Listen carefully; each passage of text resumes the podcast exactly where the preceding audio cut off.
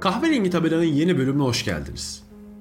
Aslında bu podcast'i 14 Şubat Sevgililer Günü hazırlasaydım daha anlamlı olacaktı. Çünkü bir aşk şehrine gideceğiz bu sefer sizlerle. İznik Gölü'nün kıyısında Nikaiya Antik Kenti ve bir aşk sonucu değişen ismiyle bizlere romantik bir podcast vaat edebilir.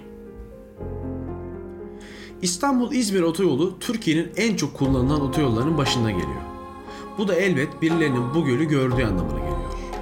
Bu podcast'i dinleyenlerden birileri Bursa yakınlarındaki bu gölü görüp merak etmiştir. Kimimiz sadece öylece bakıp geçmiş, kimimiz merak edip oranın İznik Gölü olduğunu öğrenmiş, kimimiz ise merak etmekte kalmayıp direksiyonunu oraya kırmıştı. İznik yazan kahverengi tabelaya. İznik şehrine gittiğimizde sanki bir dönem dizisinde yan rolde oynuyormuş hissine kapılıyorsunuz. Çünkü milattan önce 4. yüzyıldan kalıntılar içinde bir anda 2012'de yapılmış marketi görüp hemen yanında milattan sonra 325'te yapılan yapıları onun hemen arkasında da yıllarca güçlendirilen eski surları. Bilerek mi böyle yapıldı bu şehir bunu bilemiyoruz ama İznik şehrinin her yerinin bir antik kent olduğunu ve Nikaya antik kentiyle bütünleştiğini yaşayarak görüyorsunuz. Kelime anlamı ilahi hikmet olan Ayasofya sözcüğünü buralarda da görmek mümkün. Antik kentin Lefki kapısından girdikten sonra göle doğru yürüdüğünüzde hemen karşınıza Ayasofya Camii çıkıyor. Ömrünün ilk 850 senesini kilise olarak hizmet verdikten sonra 1331 yılında Orhan Gazi'nin şehir fethiyle beraber 650 yıllık cami olma serüvenine başlayacaktı. Cami artık müze olarak hizmet verse de içerisinde küçük bölümünde namaz kılınıyor. Müslümanlar namaz kılarken yabancı turistlerin içeride dolanmasını görmekte bir hayli tuhaf hissettiriyor. Ayasofya'nın içerisinde girişte hemen karşınızda bulunan konsil kısmı kilise olduğu zamanlardan kalma. Konsil bir dini meclis olarak da tanımlanabilir. Hem Hristiyanlık hem Yahudilik hem de İslam'da inanılan dört büyük melek resimleri buranın dört bir yanına çizilmişti. Fakat günümüzde sadece biri tam haliyle bizi karşılıyor.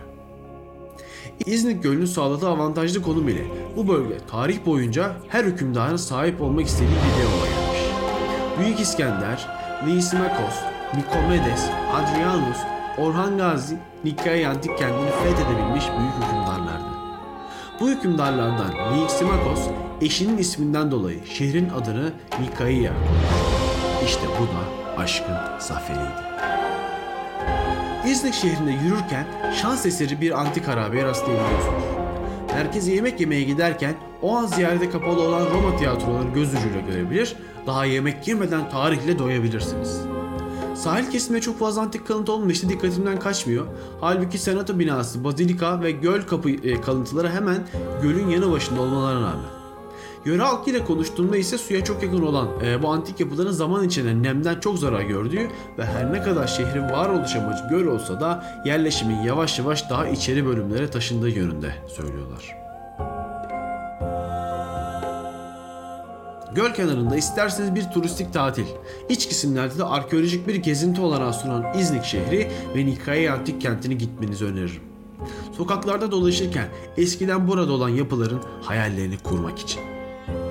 Instagram ve Facebook'ta kahverengi tabela pot hesaplarında Nikaya ile ilgili görseller sizleri bekliyor. Sağlıcakla kalın.